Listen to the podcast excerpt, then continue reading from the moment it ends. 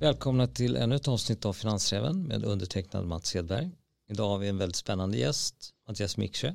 Välkommen. Ja men tack. Du, ehm, du är en erfaren techinvesterare men kanske inte så känd för de bredare lagren. Kan du berätta lite om dig själv innan vi går in i detalj? Jag skulle inte vilja säga att jag är en erfaren tech-investerare. Jag har hållit på med tech och startups väldigt länge. Ja. Som en del av det så har jag sladdat in lite grann i ängelinvesterarträsket och lite andra delar av kapitalsvängen. Men jag skulle nog egentligen säga att jag är en entreprenör fortfarande eh, i första hand. Eh, tyvärr har jag inte drivit något bolag de sista tre, fyra åren men, men eh, jag gillar att se mig själv snarare som entreprenör än som investerare för det och, finns det andra som är mycket bättre på. Och hur landade du som entreprenör? För du var ganska tidigt ute. Ja, och det, nu undrar vi hur lång, då undrar jag hur lång tid vi har på oss här i, i podden. Men, ja, men, men tills, vi, tills vi är färdiga. Den, kortaste, den något nedkortade versionen är väl att jag gick på Handelshögskolan på 90-talet och ville inte bli managementkonsult eller banker eller jobba, jobba in i industrin. Och då fanns det inte så mycket roligt att göra, förutom ett bolag då, 95 när jag gick ut. Och det var Kinnevik och Stenbeck. Där det hände grejer som drog till sig personer som tyckte att det lät spännande att starta bolag, hålla på med nya saker som tv, radio, internet. Så där hamnade jag. Okej, på vilken del? På det som var då MTG som först hette Kinnevik TV Media men som sen blev avknoppat till Modern Times Group, MTG. Så jag var en sån här vd-assistent eller Luma. Och vem, vem, var du Luma för? Alltså, på den tiden fanns det egentligen bara två Luma-tjänster. Det fanns en till Stenbeck himself och, och Kinneviks vd. Och så fanns det en till Pelle Törnberg som var MTGs vd. Men den tjänsten hade min kompis precis fått och jag ville inte vänta ett år tills den blev ledig. Så då ringde jag nästa chef i ledet som var Per Bystedt som då var chef för alla tv-kanaler på Kinnevik. Okay. Så ringde jag upp honom och sa du behöver säkert också en Luma. Och det gjorde han. Så nästa dag började jag. Och hur var det? Det var ju fantastiskt. Det var ju tokigt. Det är ju lite mytomspunnet. Kan du ge lite, kan du lite kött på benen? Ja, men det var så långt från handen som man kan komma egentligen. Det var ju så här, lämna in uppsatsen i finansiell ekonomi ena dagen och nästa dag liksom parkera chefens bil eh, ena dagen, eh, köpa snus eh, eller åka till Norge och starta en tv-kanal. Eh, var det den spännvidden? Ja, eller vara med och hålla kameran på, på när Samantha Fox gjorde ett uppträdande. Ja, eller vad det nu var. Nu höll jag inte kameran när Samantha Fox uppträdde, men det var ungefär den spännvidden på ett Luma-jobb. Så jag spenderade mest av tiden på ZTV, men också på TV3. Ja, det var, det var fruktansvärt roligt. Wow. Och vad blev det sen? Nej men sen kom ju internet i den vevan också. Jag började jobba 95. Det var ju 95 var ju egentligen webbens första riktiga år och mina, och mina vänner startade diverse olika internetbolag. Eh, jag var med och lanserade ZTVs första webbsajt i liksom 95. Och rätt snabbt märkte man ju att webben och det digitala var ju oändligt.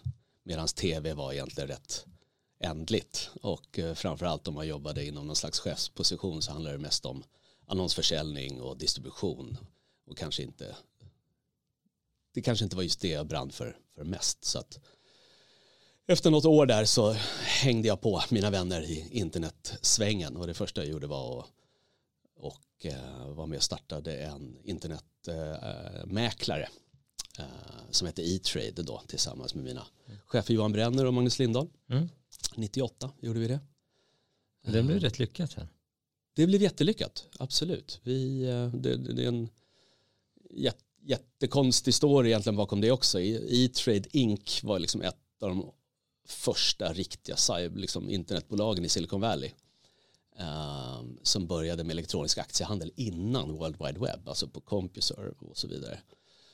Och sen när internet tog fart så växte de jättemycket i USA, hade planer på att expandera utomlands men hade väl vare sig tid eller kapital att göra det. Så att istället så hittade man grupper av lokala entreprenörer som man faktiskt sålde en licens till. Så det är en slags franchising-idé.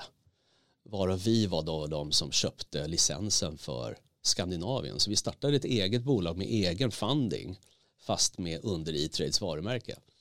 Och sen när vi hade bevisat oss genom att kunna få alla tillstånd från Finansinspektionen och så vidare och lansera då köpte då E-trade Group upp oss med aktier. Så att då blev vi en del av, av stora amerikanska E-trade. Så det var första inkashningen? Eller?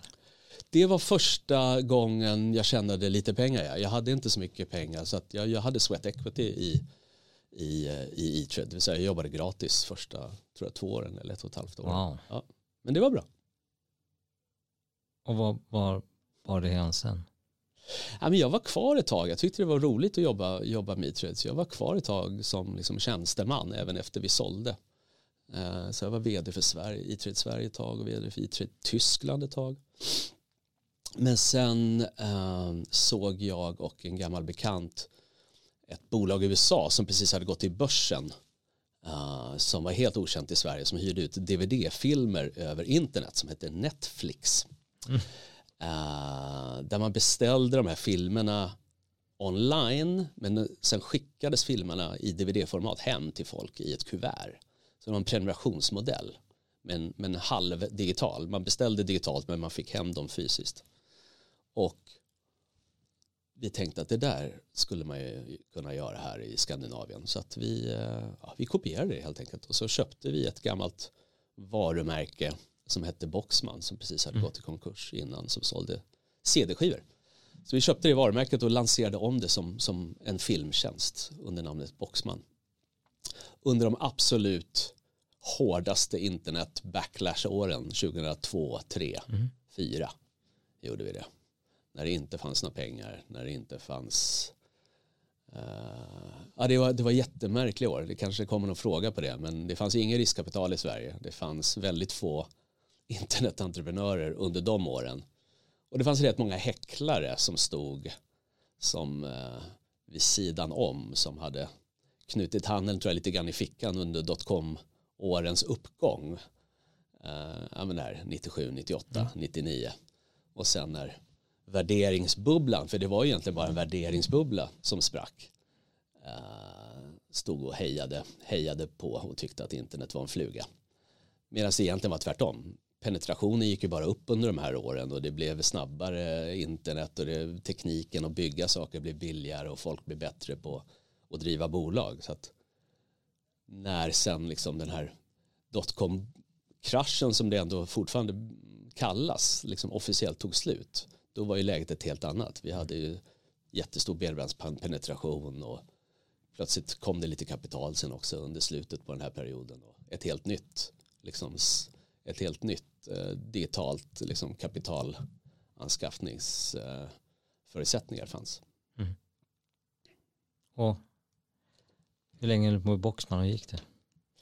Nej men Boxman var en fantastiskt bra affärsidé eh, på ett sätt. Eh, och det var nämligen att vi köpte in de här filmerna som man hyrde ut. Så att, um, och sen skrev man av den på ett antal år. Så att i resultaträkningen så gick vi plus rätt fort. Problemet var bara att cashflowet var precis tvärtom. För att vi var tvungna till att köpa de här filmerna med cash upfront från de stora Hollywood studiosen. Så att det, ju mer vi växte desto mer kapital behövde vi. Och eh, det fanns liksom inga riskvilliga eh, finansiärer i Sverige nästan på den tiden. Alltså riskkapitalbolagen som vi läser om idag fanns ju inte. Det, jag, jag minns ju faktiskt att jag hade ett möte med Staffan, min vän på Creandum. De mm. fanns, men de investerade då bara i hårdvara minns jag vad han sa till mig. Vi investerar i mikroprocessorer och chips och inte i tjänster. Wow. Så det var jättesvårt att resa pengar. Det låter som så ändå ganska närtid men ändå ja. låter det så främmande. Ja. Vi lyckades få in investerare, eh, privatpersoner som, som trodde på oss. Men sen fick vi ett uppköpserbjudande från eh, den mest välfinansierade engelska spelaren i det här eh, spacet som hette, som hette Love Film. Så att de köpte oss och de sålde sedermera faktiskt till Amazon. 2000 vi sålde 2005 och de sålde sen 2007 tror jag till Amazon. Så då stod du där igen och inte visste vad du skulle göra eller?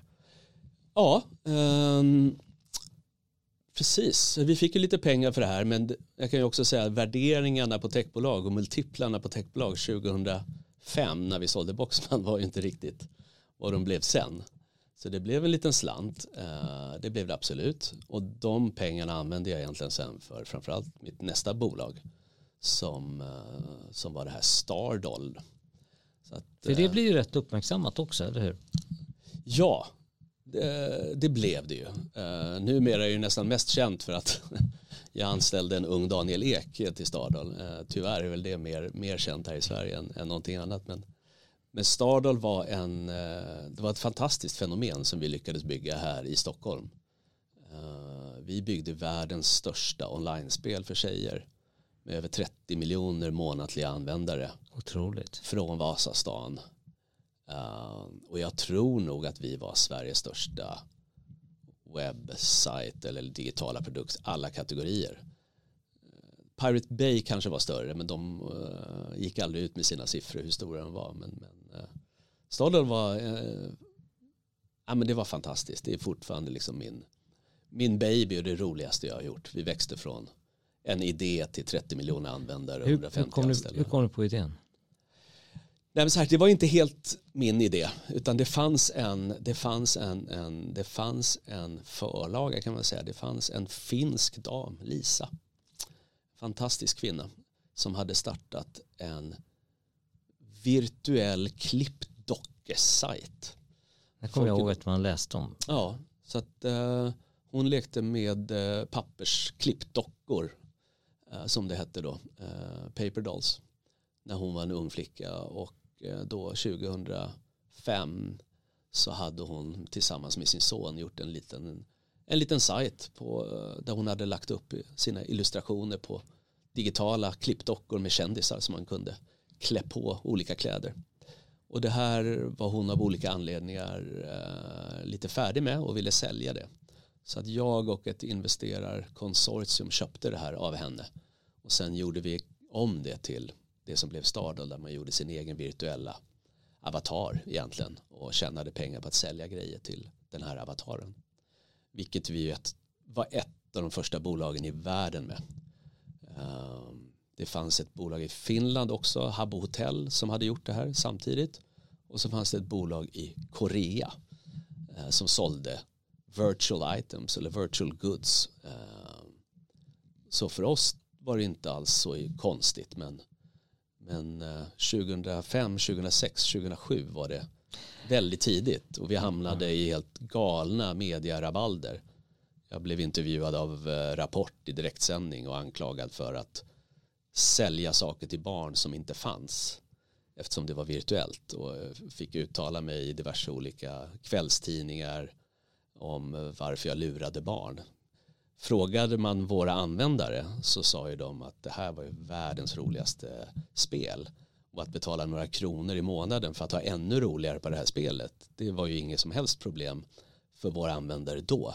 Och idag är det ju en självklarhet att betala för digitalt content men 2006-2007 då ledde det till att man blev ställd mot en vägg i Rapport och anklagad för att stjäla pengar från barn. och, och hur stort blev det här? Nej, men vi hade ju 30 miljoner användare i månaden som störst. Det var helt otroligt. Det var ett globalt fenomen. Från, vi hade ju olika analysverktyg som visade var trafiken kom från och så vidare. Alltså Google Analytics och motsvarande jag tror det enda landet som vi aldrig hade en registrerad IP-adress ifrån var Nordkorea. Men vi hade faktiskt Antarktis en gång. Så det måste ha varit någon forskare med familj på Antarktis där någon hade lite tråkigt och, och lekte med, lekte med Stardom. Det var ett globalt fenomen, det var fantastiskt. Finns det kvar? Det finns kvar i en ytterst tynande tillvaro med 70-80 eh, 000 användare varje månad. Men eh, vi lyckades inte få över produkten på den plattformen vi var tvungna till att eh, komma över till om man ska vara relevant i den här målgruppen, vilket såklart är mobilen. Utan vi byggde en fantastisk produkt på, i en browser i, mm. för datorn.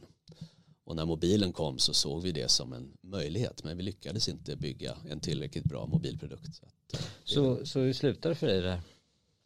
Nej, det var många hårda år. Så att, eh, vi hade några fantastiska år från 2005 till 2012 där vi växte och växte och man syntes och ja, det, var, det var fantastiskt roligt. Och sen har det varit rätt många hårda år med personal neddragningar och folk som lämnar och investerare som inte hör av sig längre. Och, men det är väl fördelen med att ha varit med ett tag. Man, man, vet, man vet hur spelet funkar. Man vet att när det går upp så är det en sak och när det går ner så är man rätt ensam. Kommer tillbaka till det. Eh, du delägare i Stardoll fortfarande? Eh, jag äger hela Stardoll mer eller mindre. Okej. Okay. Jag köpte tillbaka det av mina investerare. Jättedumt men. Ja, ibland gör man ju dumma grejer. Du snuddade vid det här med, med liksom perspektiv. Hur skulle du säga att sen du hoppade av från Handels och sen så har du varit med på några resor och sen så är vi nu i 2022. Hur har den här eh, startup och entreprenörsscenen förändrats tycker du? Det går ju inte att jämföra. Alltså det, det är helt fantastiskt tycker jag idag. Och det gick så snabbt där några år så jag, jag började ändå jobba digitalt 95-96 och på de tio åren fram till 2005-2006 när vi började Stardoll så ja, men det hände egentligen inte. så mycket. värderingsmässigt så gick det upp och ner men det fanns ju ingen liksom, det fanns ju inget ekosystem skulle jag säga i Sverige eller framförallt inte i Stockholm. Det fanns några stora internetbolag men vid den tiden var det egentligen bara Tradedoubler kvar när vi började där. Eh, de gamla stora hjältarna Icon Media Lab och Spray och Framfab hade ju liksom gått upp och försvunnit. Och eh, den liksom dotcom-kraschen hade kommit. Så att under de här tidiga åren då var det i Stockholm, det hände inte så mycket. Det var Tradedoubler och det var vi skulle jag säga på, på staden som byggde liksom större bolag. Mm. Och sen var det ju då allas vår liksom idol Niklas Sennström som mm. visade att man kunde bygga globala bolag som svensk. Nu gjorde han det inte i Sverige med Skype, men han visade ju att det gick att bygga stora bolag uh, som en svensk entreprenör och det tycker jag var, det var ju oerhört inspirerande. Mm.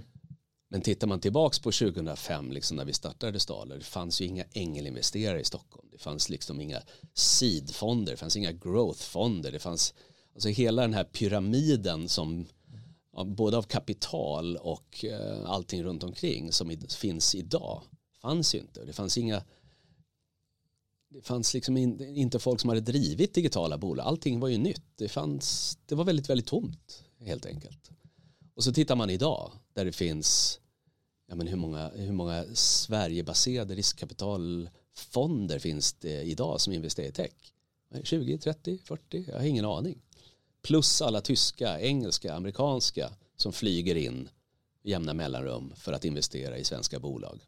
Plus att det numera finns en massa entreprenörer som har tjänat pengar på sina bolag och blivit liksom ängelinvesterare. Jag skulle säga att den delen, det var den sista delen som vi inte hade i Sverige. Om man ska jämföra med, med till exempel Silicon Valley.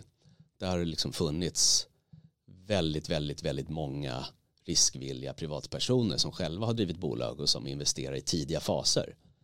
Och det tror jag har varit det viktigaste de sista åren. Att eh, riskkapitalbolagen de vill ju gärna komma in lite senare när liksom produkten sitter och KPI är på plats och man har bevisat sig. Liksom. Eh, men de vill ju inte investera oftast i ett helt oprövat team som inte har kommit någon vart. Och det är ofta där som ängelinvesterare och framförallt om man är själv för detta entreprenör gör mest nytta. Så det är det spacet som jag tycker om att agera i med mina egna småpengar som, som mm. investerare. Och hur, eh, innan vi kommer tillbaka lite grann till det då, men, men hur, hur är Sverige idag jämfört med övriga världen? Silicon Valley har vi lite, där vet man att de ligger långt framme, men vi får ändå ge Sveriges långt fram. Egentligen kan inte jag svara på det eftersom jag inte, jag jobbar egentligen bara i Stockholm och i Sverige. Det är här jag, det är här jag har ett nätverk, det är här jag kan bidra med tycker jag. Så att eh, jag är egentligen fel person, skulle egentligen fråga någon som investerar globalt eller åtminstone pan-europeiskt. Men om jag skulle, om jag skulle gissa lite skulle jag vilja säga liksom att precis som Sverige har varit på industrisidan att vi alltid har liksom punched above our weight Mm. Uh, så har vi gjort samma sak på den digitala sidan. Men att det har avtagit lite. Jag skulle säga att när internetboomen kom, både penetrationsmässigt med bredband och så vidare och hem-PC-revolutionen och så vidare så låg vi väldigt, väldigt långt fram väldigt snabbt och det gjorde att det byggdes många stora bolag här. Sen hade vi ett antal exceptionella entreprenörer från Sennström till Klarna-grundarna eh, till Daniel på, på Spotify, eh, King-gänget och så vidare. Uh, och det har ju, de har ju också liksom gjort att andra entreprenörer har, har blivit inspirerade. Jag skulle vilja säga det känns nu ändå som att de sista fem åren så har resten av Europa tagit ikapp mycket av det. Okay. Eh, de kom igång lite senare kanske men nu eh, tittar man på var fundingen sker i Europa så är liksom London i solklar etta och sen är det de här det är de stora städerna det är, det är Paris och det är Berlin och så vidare innan man kommer ner på listan till Sverige. Men, men, men så indexmässigt så är vi fortfarande otroligt stora och framgångsrika om man tittar på, på storleken av, av Sverige som land. Men jag tror att vi, vi har väl, de andra länderna har kommit ikapp lite grann. Är vi duktiga entreprenörer i, i Sverige tycker du? ja, men det är väl svårt att inte tycka det när man ser de bolagen som har byggts och håller på att byggas här. Det tycker jag absolut. Och, och tycker du att återväxten ser bra ut? Alltså jag blir förvånad hela tiden. Jag minns hur jag kände för några år sedan att oj, vad häftigt att vara en del av den här tech in, in, liksom systemet där det har kommit bolag som ja, men, bolagen jag nämnde som har blivit verkligen enormt stora internationellt framgångsrika bolag. Och så kunde jag någon gång tänka så här, ja ja men nu kommer det kanske inte komma så mycket mer, men det gör det. Det, det, det kommer bara mer och mer och mer. Det känns och det är, som en kulturell... Ja, och det är för att det är ett, in, det är liksom ett, det är ett ekosystem nu. Det är inte, det funkar. Mm. Folk jobbar på de här stora bolagen, blir inspirerade, får egna idéer, hoppar av. Det finns ängelinvesterare, det finns riskkapitalfonder. Alltså det, det är ett system som återuppfinner sig själv hel, hela tiden.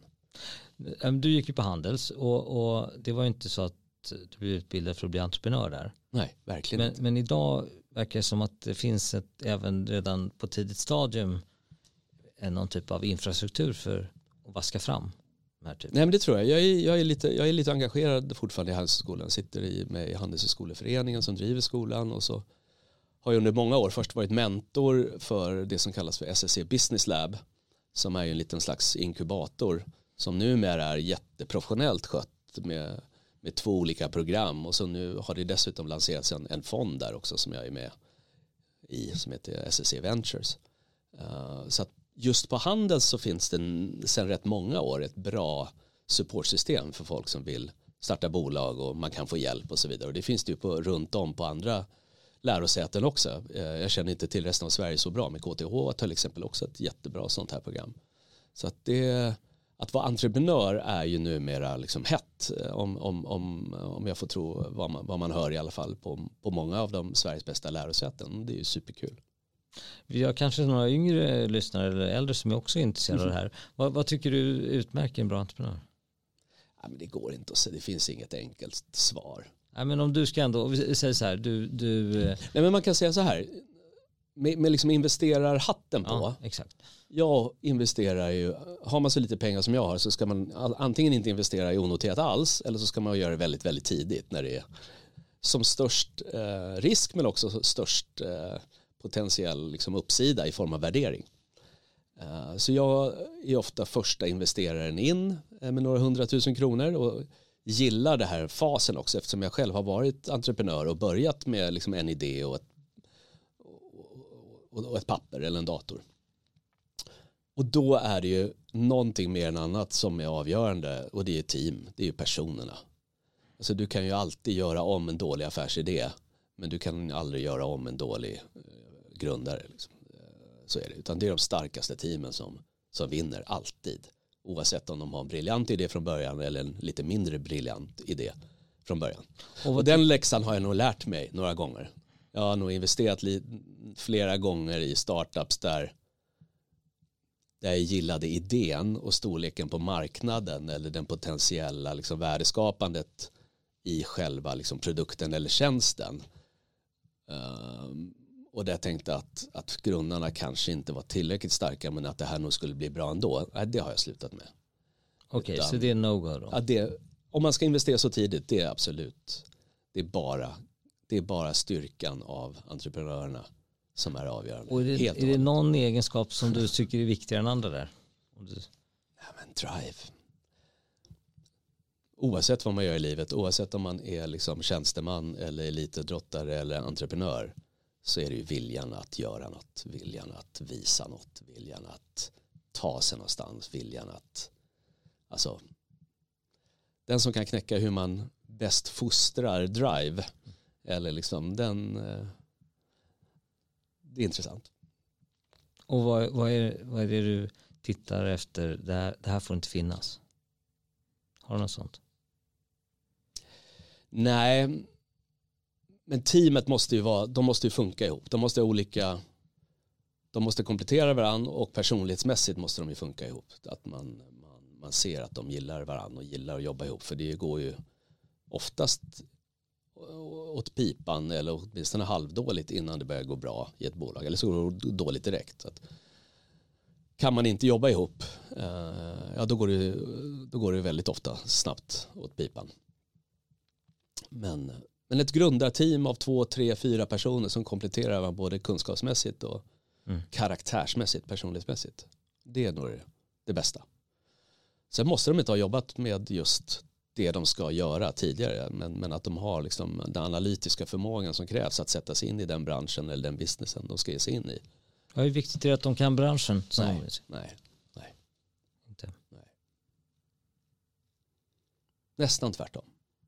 Det är nästan bättre att vara ut, en outsider. Eller liksom. Det finns så mycket svengelska uttryck, jag ber om ursäkt om jag använder, men disruptive, liksom. det, det är det favoritordet i våran bransch. Mm. Men det är också ett väldigt bra ord. Någon som liksom skakar om en bransch och gör saker på ett nytt sätt. Eh, och det gör du oftast inte om du är från den branschen.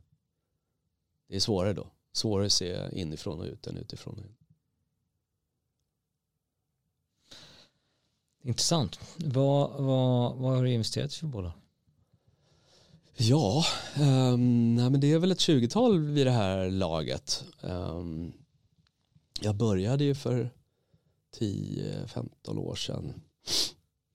Några av de första var Tink. Ehm, väldigt lite pengar men det blev väldigt bra ändå. Natural Cycles är känt. Fishbrain är känt. Det var liksom mina tre. Det var mina tre första nästan skulle jag säga. Det var många homeruns på första tre Ja, gångerna. d- men, ja, men de jättefina bolag allihopa. Ehm, ja, vad gör jag nu? Nu sitter jag med i ett bolag som heter Sana Labs som är ett eh, learningbolag, AI-bolag som är, som är fantastiskt spännande. Um, med ett SAS-bolag som heter Team Taylor som jag också varit med i länge. Ehm, ja, men det är en massa olika. Ett roligt annat AI-bolag som heter Validio som har blivit en, omskrivet på sistone också. Jag gjorde en stor runda här innan sommaren. Eh, och så finns det några som har försvunnit också som ingen känner till. Men så är det. Och hur aktiverar du de här bolagen? Det varierar jättemycket. Det, det beror på vad, vad jag kan tillföra om något och hur starka grundarna är och vad de är starka på.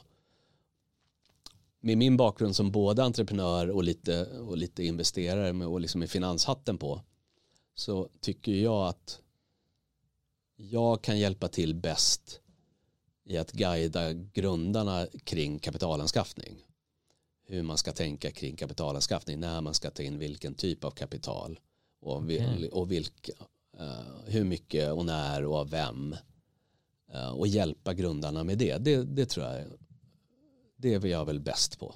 Vissa av de här bolagen har ju suttit i styrelsen i och sitter fortfarande i styrelsen i. I några andra har jag sagt jag fattar ingenting av vad ni håller på med. Här är mina pengar, ring om ni behöver något. Ehm, så det är väldigt stor spännvidd eh, på vad jag bidrar med eller inte.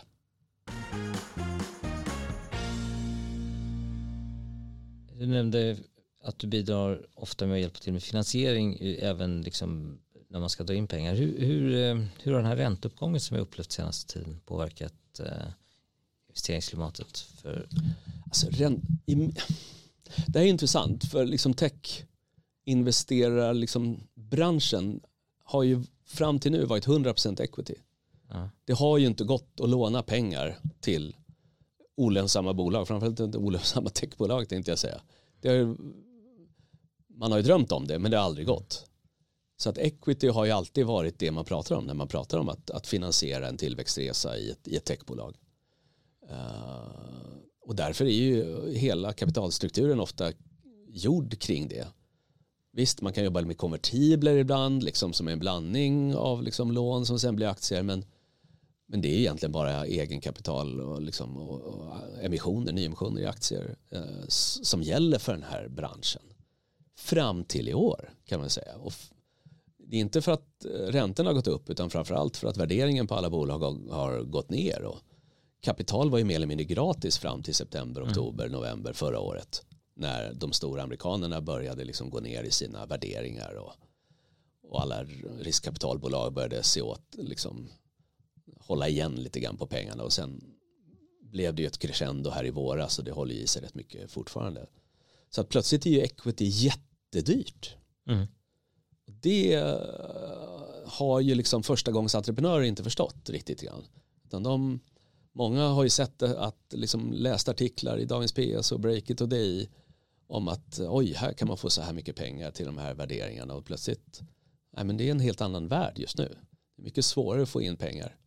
Uh, och samtidigt då så har det kommit ett, ett gäng olika nya former att finansiera bolag som är lånebaserade på olika sätt. Det dyker upp nya bolag varje dag. Jag var på ett ängelinvesterarevent igår, två bolag som jag aldrig hört talas om pitchade som, eh, och båda bolag gjorde ungefär samma sak, det vill säga var villiga att låna ut pengar till liksom olönsamma, om man ska vara, raljera lite, techbolag, men kan de bevisa att deras liksom, unit economics eller deras liksom, minsta tjänst eller vad det är nu man säljer är lönsam så kan man tänka sig att låna ut pengar baserat på KPI på hur det går på, på, på mikronivå egentligen om man hårdare. Sen finns det ju stora fonder nu också som drar in pengar som Ark Capital och så vidare. Och det finns, eh, sen tidigare har vi annan typ av lånefinansiering också. Creos Capital är ett annat bolag som hållit på länge. Men det är en ny, det är, det är ett nytt kapitallandskap över mm. en natt. Mm. Eh, dels har det blivit svårare med equity och helt plötsligt så med högre ränta så finns det också pengar som vill lånas ut. Mm. Kommer du själv starta något nytt bolag tror du? Ja du, det är en samvetsfråga. Jag vill ju se mig själv som entreprenör som egentligen nu bara tar en liten paus och håller på och investerar vid sidan om. För att snart ska jag minsann starta något stort. Men när jag är ärlig mot mig själv så vet jag inte om det kommer bli så. Jag kanske kommer fortsätta i den här rollen som jag gör nu. Jag var med och startade ett bolag i i höstas kan man säga där jag träffade två entreprenörer supertidigt som hade en jättebra affärsidé och frågade om jag ville dels stoppa in lite pengar men också engagera mig i bolaget och det har jag gjort. Det kanske är en bra hybrid för mig att eh, jobba lite grann men inte som heltidsgrundare. Nej, hur många sådana orkar man köra egentligen? Det är ju rätt jobbigt att vara entreprenör. Nej, men du kan bara köra ett. Förutom Elon som kan köra fyra. Men, men ja, Nej, jag, är extremt, jag är extremt skeptisk mot entreprenörer som kör mer än ett bolag. Alltså, att starta ett bolag och göra ett bolag, det vet ju du. Det vet ju alla som har ja. bolag. Det är tillräckligt svårt. Eh, men jag funderar på hur många, hur många sådana resor kan man göra även sekventiellt? Ja, sekventiellt, ja, men det, det beror nog helt på tror jag. Jag tror man orkar rätt mycket om man tycker att det är kul. Om man tycker att det är absolut. Absolut. Nu vet jag inte om jag ser den här artikeln på Twitter bara för att jag själv är över 50 men jag, jag lyckas alltid se en artikel antingen från Harvard Business Review eller McKinsey som promotas på Twitter där det står att de mest framgångsrika entreprenörerna är, är de som startar bolag när de är över 50. Jag är själv lite skeptisk till det men, men uppenbarligen så kan man starta bolag eh, när man är äldre än 23. Det kan man göra. Jag vill ju tro det utan att avslöja min ålder. Men eh, jag har också läst det där. Jag tänkte faktiskt skulle fråga om det. Man har ju vissa fördelar men man kan också se vissa begränsningar. Ja, absolut. Eh, tycker jag.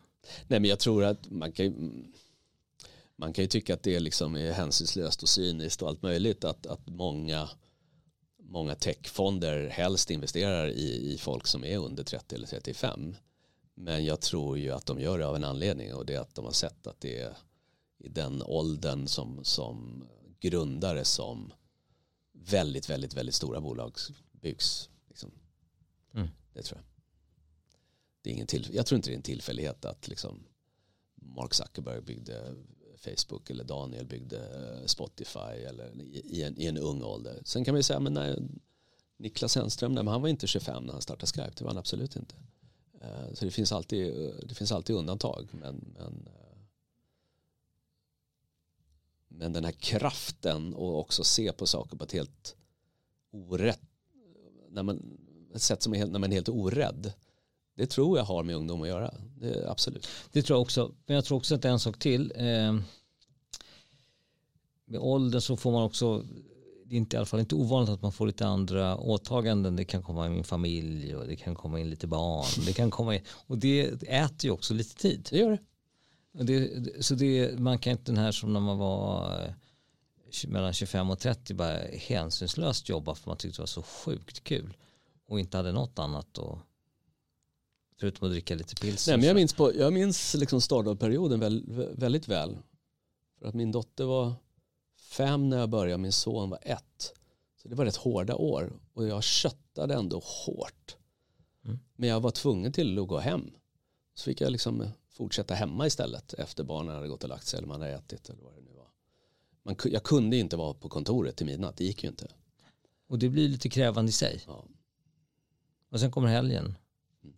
Och då kan du inte kötta hela helgen. Då blir det dålig stämning. Mm. Så du, du snuddade ju vid eh, Daniel Ek. Och eh, sen har vi då den nu ganska hypade serien kring Spotify. Men du var ju egentligen Daniel Eks sannolikt sista chef. Eller hur? Ja, jag har ju, det har ju gått några år nu så jag har ju börjat förlika mig med tanken på att eh, jag, jag, jag, jag kommer vara mest känd för Dan, att jag en gång i tiden anställde Daniel och numera är med i den här Netflix-serien som en eh, tjock, arrogant idiot som inte förstår vad de unga människorna håller på med. Jag har inte sett den så det, det, det, det kan inte jag ens kommentera. Nej, det var en nidbild. Jag blev verkligen ledsen när jag såg mig själv i avsnitt fyra. Titta inte på avsnitt fyra. Eller spola en bit in. Nej men så var det. När, när, när, vi, eh, när, jag startade, när jag startade Stardal så hade jag, då, jag hade precis sålt mitt förra bolag, det här Boxman. Och när jag sålde det så skrev jag under massa med papper om att jag aldrig någonsin skulle få anställa eller försöka rekrytera någon från det teamet. Så att när vi drog igång staden så var jag tvungen till att anställa ett helt nytt eh, team, framförallt utvecklarteam. Och jag visste inte riktigt eh, vad jag skulle leta. Som jag sa innan, det hände inte så mycket i Stockholm då. Det fanns en massa duktiga människor men det hände inte jättemycket. det var lite svårt att, att hitta. Så jag började fråga runt bland folk jag kände. Och då var det någon som sa, ja men det finns, ja, det finns en kille som folk pratar väldigt gott om. Uh, han heter Daniel. Kolla om du kan träffa honom. Uh, ja, så gjorde jag ju det. Uh, jag träffade Daniel som var 23 då och som var oerhört imponerande.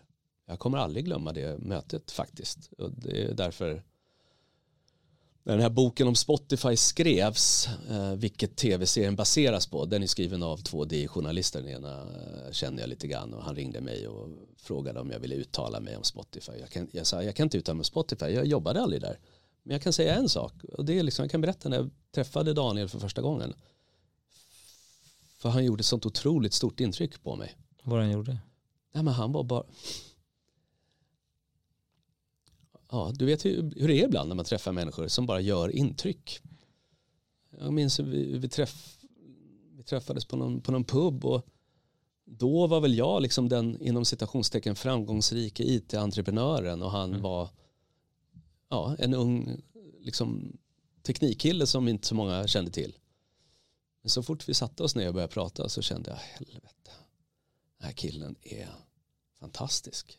Inte bara att han uppenbarligen förstår teknik han förstår entreprenörskap, han förstår affärer och vi pratade om musik, vi pratade om allt möjligt Så att jag kände bara direkt att den här, jag vill jobba med honom. Han är otrolig. Eh, så frågade jag honom vid sittande bord om, om han ville jobba. och det var också lite roligt hans svar, för det kommer jag inte heller glömma. Det var så ja, men jag, jag skulle gärna jobba med dig Mattias. Jag gillar dig eller hört gott om vad, vad han nu sa. Och vi hade redan fått in väldigt fina investerare till Stardal, Index Ventures som var liksom Europas främsta venture capital-bolag. Och så sa han, men jag skulle gärna vilja jobba med dem också. Men jag måste säga en sak Mattias, jag, jag kommer bara stanna ett tag. För jag kommer göra något eget sen. och det var rätt udda att säga det. Men, men han sa det samtidigt på så sätt att jag förstod att ja, så kommer det nog bli. Och så var det också. Så att Daniel var med och gjorde ett fantastiskt jobb.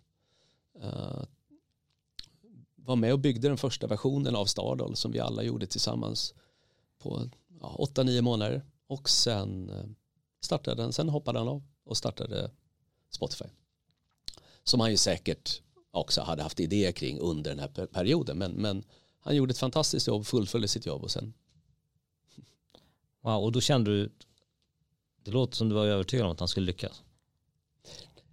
Alltså jag hade ingen aning om han skulle lyckas med Spotify. Nej, som det, tog ju, det tog ju något år innan vi, fick, vi, vi alla fick testa den första prototypen. Och det tycker jag de gjorde väldigt fint i den här tv-serien. Att, att de har verkligen nailat den upplevelsen alla vi som då testade för första gången var att ja, men det, här, det här är ju magiskt. Man klickar på knapp och det börjar spela direkt. Uh, så det visste jag ju inte att han skulle bygga det, men att han var otroligt duktig och hade, eh, kunde få med sig folk och kunde liksom leda ett team mot någon slags vision. Ja, men det hade jag ju sett redan. Det hade jag sett. Sen var det ju jobbigt för mig som entreprenör att bli av med min CTO som han var. Och han tog dessutom med sig några han hade kommit med till Stadal, men han tog också med sig ja, den här killen som jag hade anställt som hette Andreas En som också var helt fantastisk. Så det var ju det var inte så kul för mig och det var inte de det var inte de sista anställda jag tappade till Spotify kan man säga. Men hade du kunnat undvika det tror du? Nej. Nej. Framförallt inte på utvecklarsidan. Tänk dig själv att du är utvecklare så på ena sidan har du välja mellan att jobba med en produkt för, som det var då, 12-åriga tjejer i en virtuell värld med statiska 2D-dockor som du flyttade omkring i en browser. Eller att jobba med Sveriges bästa programmerare med liksom cutting edge teknik och peer-to-peer och nej men det är klart att var du utvecklare så var det ju på Spotify du ville vara. Och det fattar jag. Var du med och investerade? Nej. jag det? fick inte heller frågan och det är skönt. Är det så? Att säga det. Ja, nej jag fick inte frågan. Du Mattias, när du tittar tillbaka, vad, vad, tror du var som gjorde att det var så många duktiga personer som jobbar på Stardal? Jag har ju fått den frågan i, ibland. Ehm, jag skulle ju vilja svara att det var för att jag var så fantastisk, men det är ju tyvärr fel svar. Ehm, det finns tre olika svar tror jag på det ena. Det ena är, den ena är väldigt enkel och det var vi, vi var rätt stora och anställde rätt mycket folk i en tid då ingen annan gjorde det helt enkelt. 2005 till 2008, 2009 fanns det förutom oss och Spotify såklart eh, sen. Eh, inte så många bolag som anställde mycket folk i Stockholm i, eh, i, den, här, eh, i den här branschen. Så det var helt enkelt väldigt mycket människor som kom in på staden och många av dem var bra dessutom. Så det är ena svaret. Det andra svaret är att det har jag lärt mig genom åren, att talang attraherar talang. Så det är oerhört viktigt när man startar ett företag vilka som är dina första antingen medgrundare eller anställda. För dels så sätter de kulturen på företaget men dels så bestämmer de egentligen också nivån på alla andra som kommer efteråt. Eh, jobbar du med mediokra människor så kan du inte attrahera världsstjärnor. Har du världsstjärnor från början så attraherar de andra världsstjärnor. Så det är väl svar nummer två. Och svar nummer tre varför vi lyckades attrahera så mycket bra folk det var väl liksom att vi lyckades ju på något konstigt sätt trots att vi höll på med 2D pappersdockor i liksom flash som kanske tekniskt sett inte var fantastiskt roligt för en utvecklare. Eh, vi lyckades bli väldigt, väldigt, väldigt stora. På toppen hade vi 32 miljoner användare varje månad. Så att allt vi gjorde blev det blev en väldigt stor skala på allt. Oavsett Och det var även globalt stort? Ja, det var globalt stort. Eh, då var ju huvuddelen av vår trafik från USA. Vi hade ju användare i varje land i hela världen mer eller mindre. Men det var ju roligt för många att jobba på ett företag oavsett om man skrev kod, sålde annonser eller var affärsutvecklare. Att vad man än gjorde så, så nådde det ut till väldigt mycket folk och det blev väldigt tekniskt rätt komplext eh, med en sån stor sajt. Vi var ju nog Sveriges absolut största internetsajt under de här åren. Eh, Pirate Bay eh, kanske var större men de, de sa aldrig hur många användare de hade men annars var det nog vi.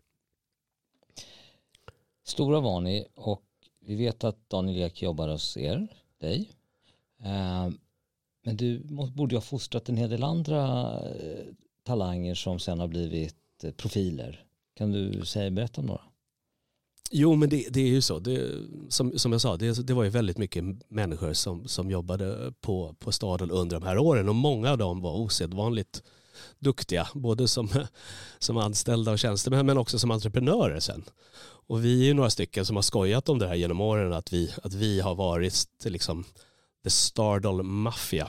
Och det är liksom inte för att vi är en maffia utan för att det är lite en, en, liten, en liten hänvisning till eh, Paypal Mafia som är liksom legendariskt i Silicon Valley. Paypal var det här betalbolaget som köptes av Ebay och som grundades av Peter Thiel, Elon Musk eh, och liksom tio andra stora eh, entreprenörer som sen startade eh, helt fantastiska företag. Så att I Silicon Valley brukar man prata om den här Paypal-maffian och vi har, väl, vi har väl skojat lite grann att på en mycket, mycket mindre nivå och inga andra liknelser i övrigt att Stardoll-maffian som vi hade, den, den var också den var faktiskt fantastisk. Daniel är ju såklart stjärnan i det gänget. Men vi hade eh, andra, mm, andra anställda som gjorde otroliga grejer. Johannes Schild till exempel som startade Kry.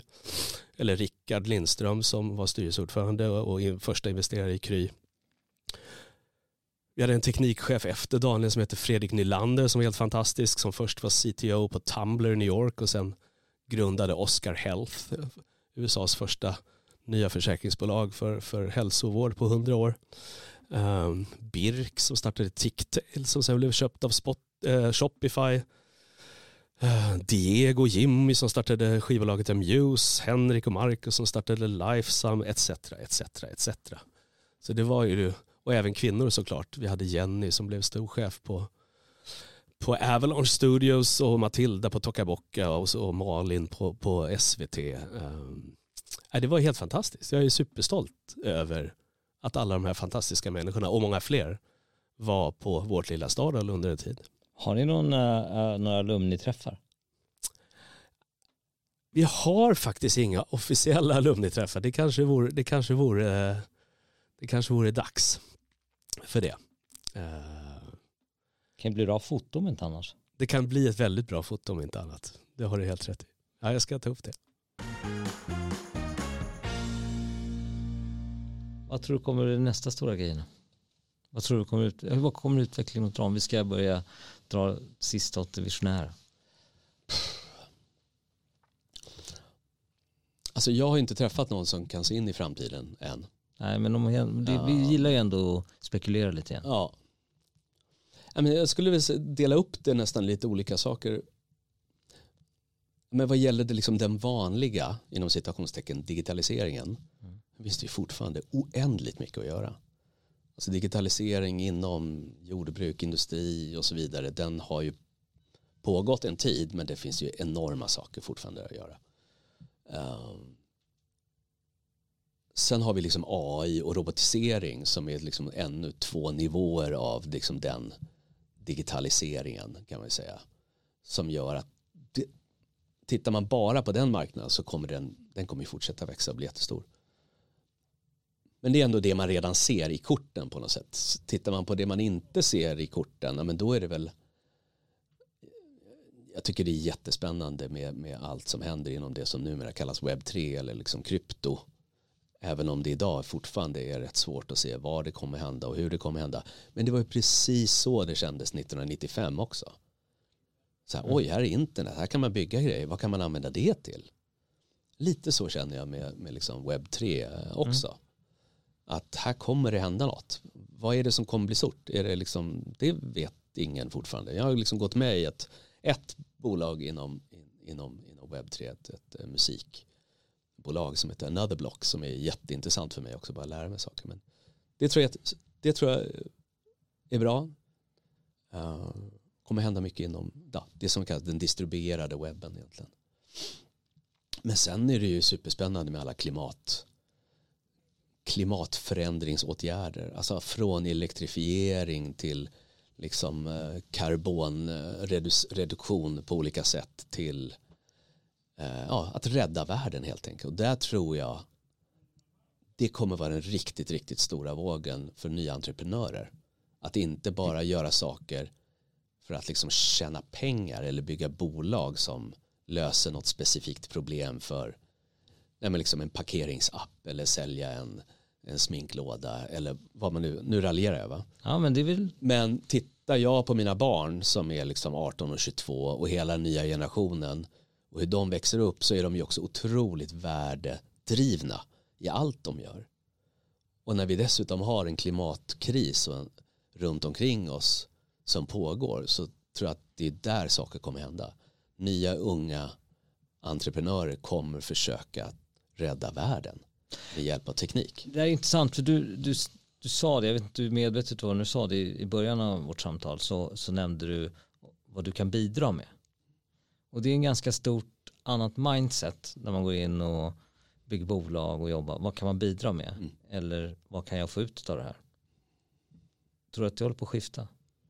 Absolut. Jag, jag, det, jag tror absolut att, eh, att drivkraften att göra någonting större än sig själv eller något mer något som inte är finansiellt är absolut större i den här generationen som kommer nu och driver bolag. Uh, och det tackar fan för det. Det är, det är fantastiskt. Det, det, är lite hoppfullt ja, tycker jag. Ja, de kommer fixa det här. Och så kommer vi stå bredvid och säga gud vad duktiga ni är. Och kanske kunna hjälpa till på något sätt. Men det är de som kommer göra det. Men de kan, vi kanske kan bidra. Mm. Ja, absolut.